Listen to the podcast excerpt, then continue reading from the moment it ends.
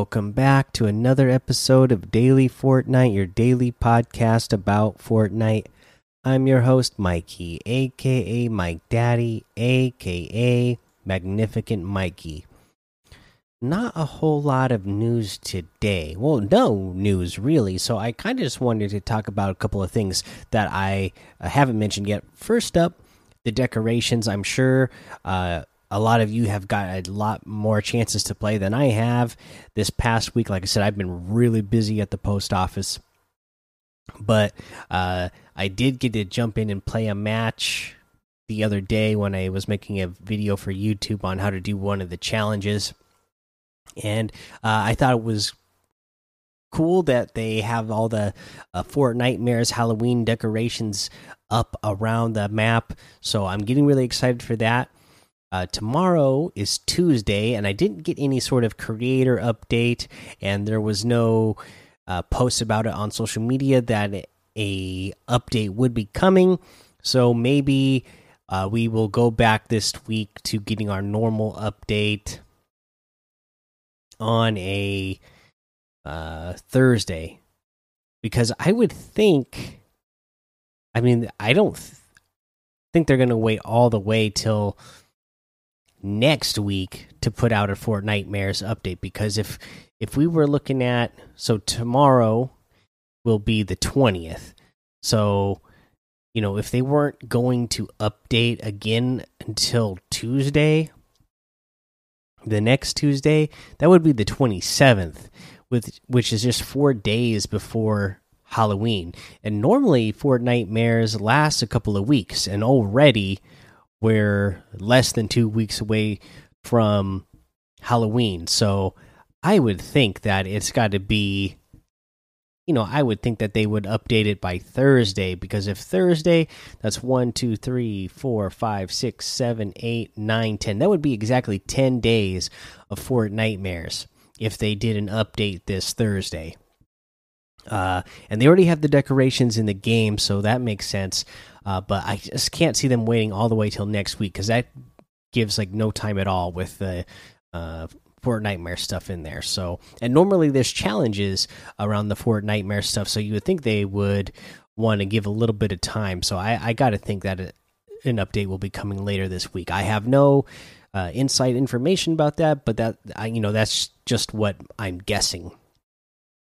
Uh, so, yeah, be on the lookout for that. Of course, on the podcast here, we will update you if we get uh, any information about that. Uh, let's see here. You know what? I'm just going to go ahead and go on to a challenge tip. Uh, we'll save any more.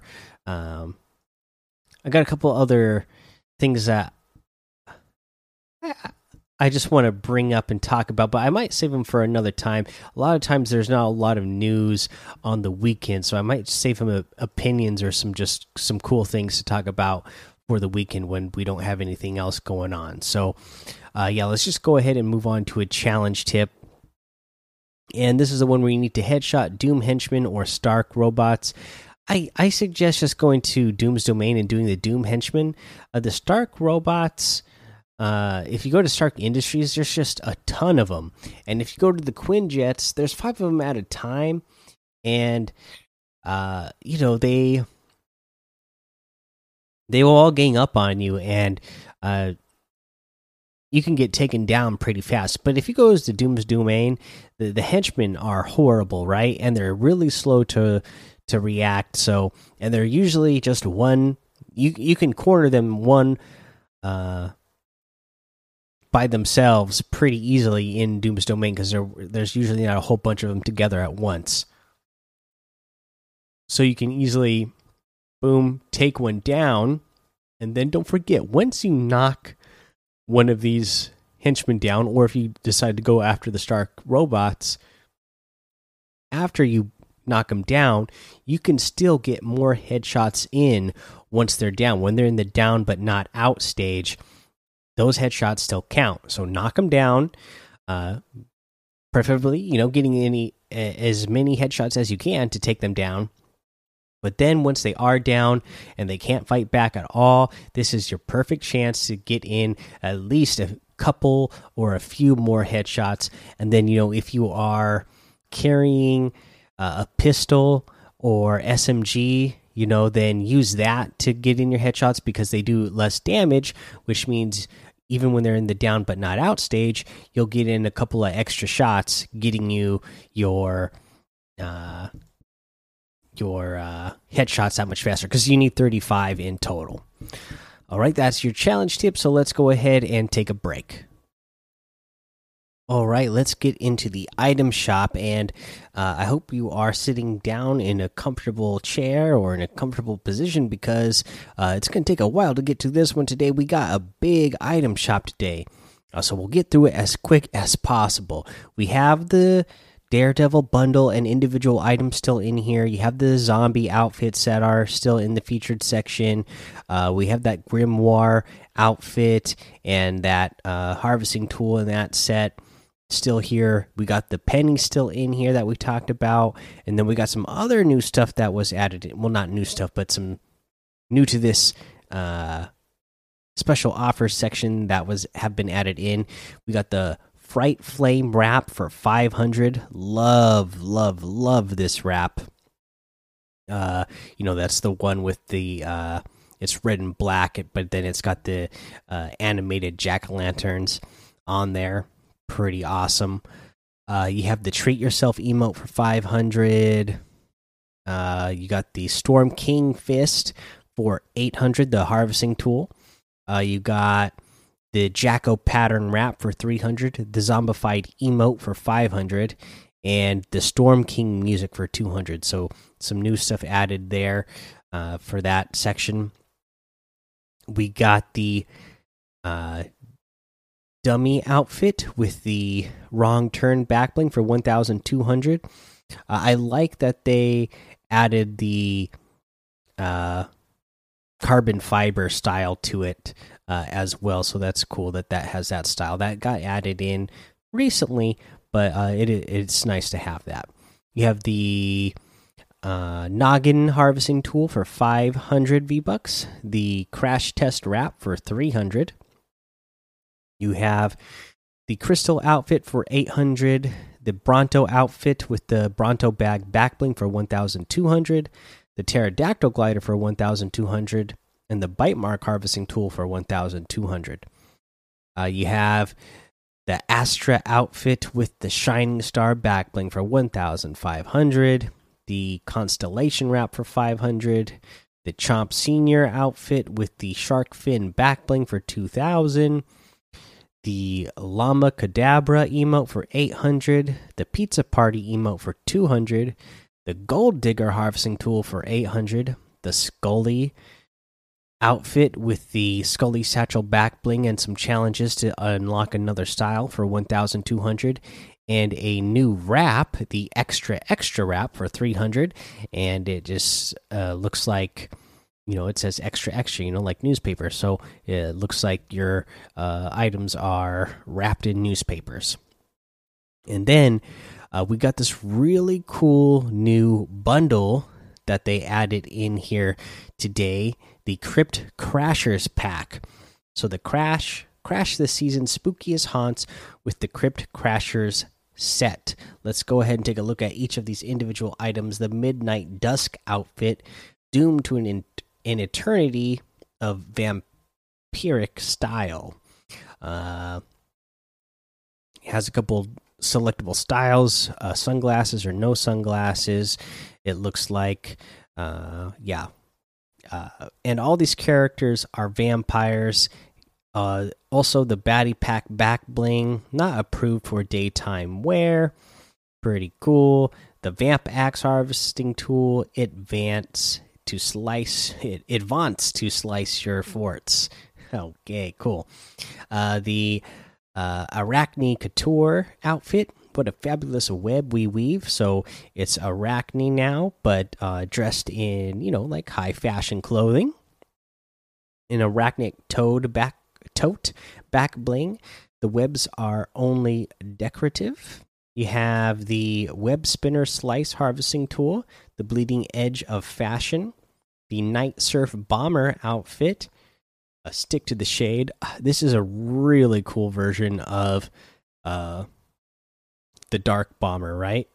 Uh, again, it's just Dark Bomber, but like you know, wearing like high fashion clothing, hair up in a, a tight ponytail. Again, you can have glasses or no glasses. Uh, fire breathers day pack back bling, llama charmed and up to no good, and dark days harvesting tool. Uh, airbrushed or extra awesome, and I really like that harvesting tool. So that's what one, two, three, four, five, six, seven, eight, nine items, all for two thousand eight hundred V bucks in that little uh, bundle there. So that is a really, really good deal.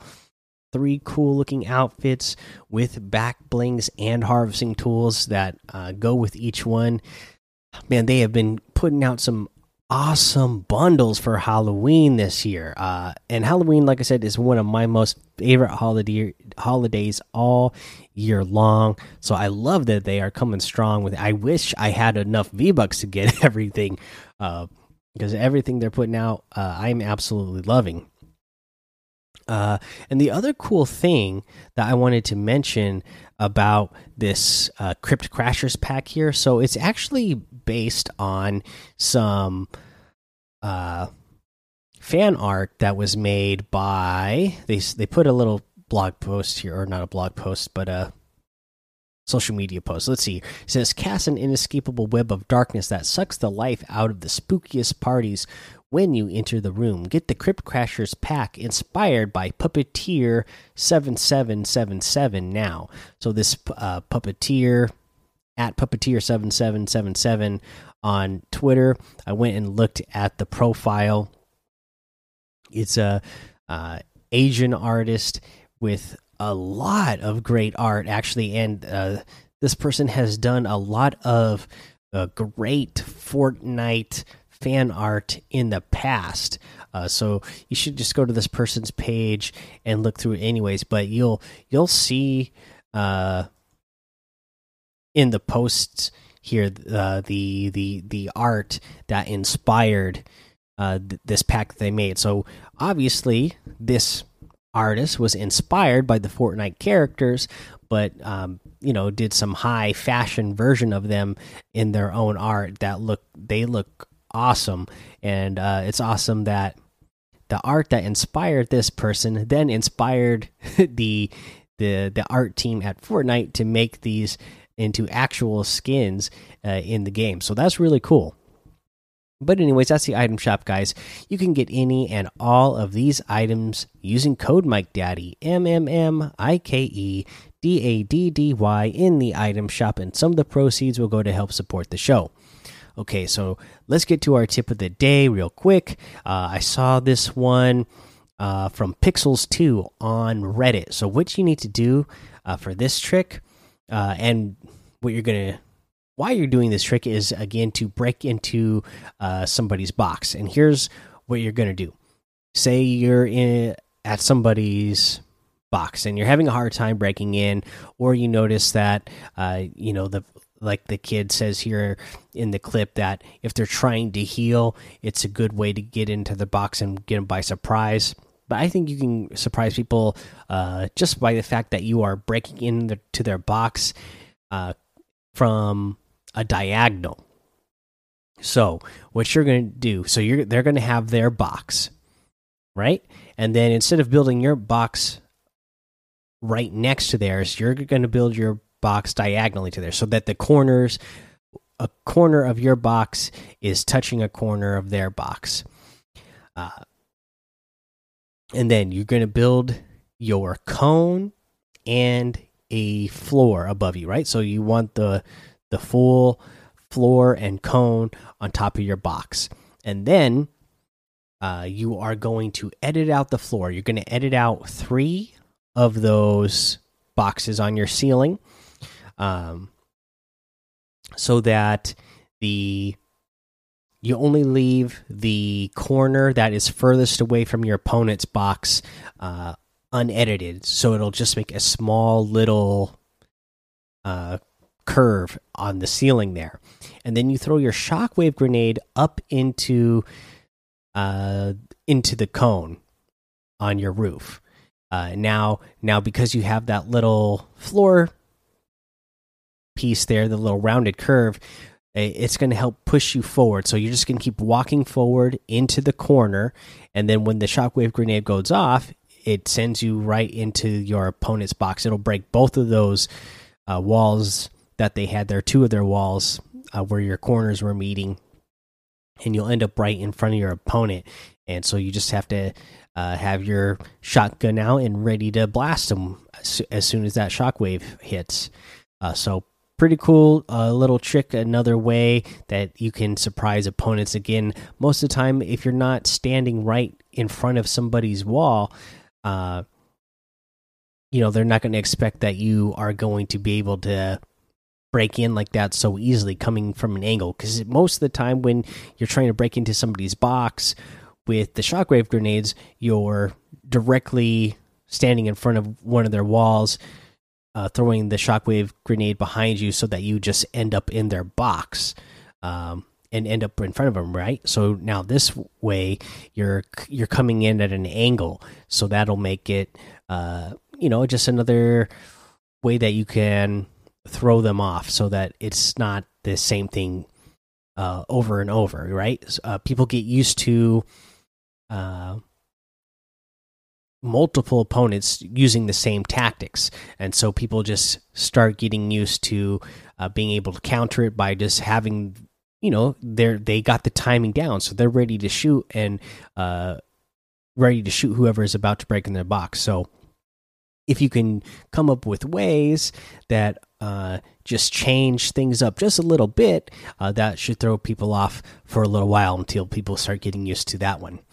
Uh, but it's always good to uh, you know constantly try to innovate and find new ways to uh, do uh, do the same thing. All right, guys, that's the episode for today. You could go join the daily Fortnite Discord and hang out with us. Follow me over on Twitch, Twitter, and YouTube. It's Mike Daddy on all of those. Head over to Apple Podcasts, leave a five star rating and a written review for a shout out on the show. Make sure you subscribe so you don't miss an episode. And until next time, have fun, be safe, and don't get lost in the storm.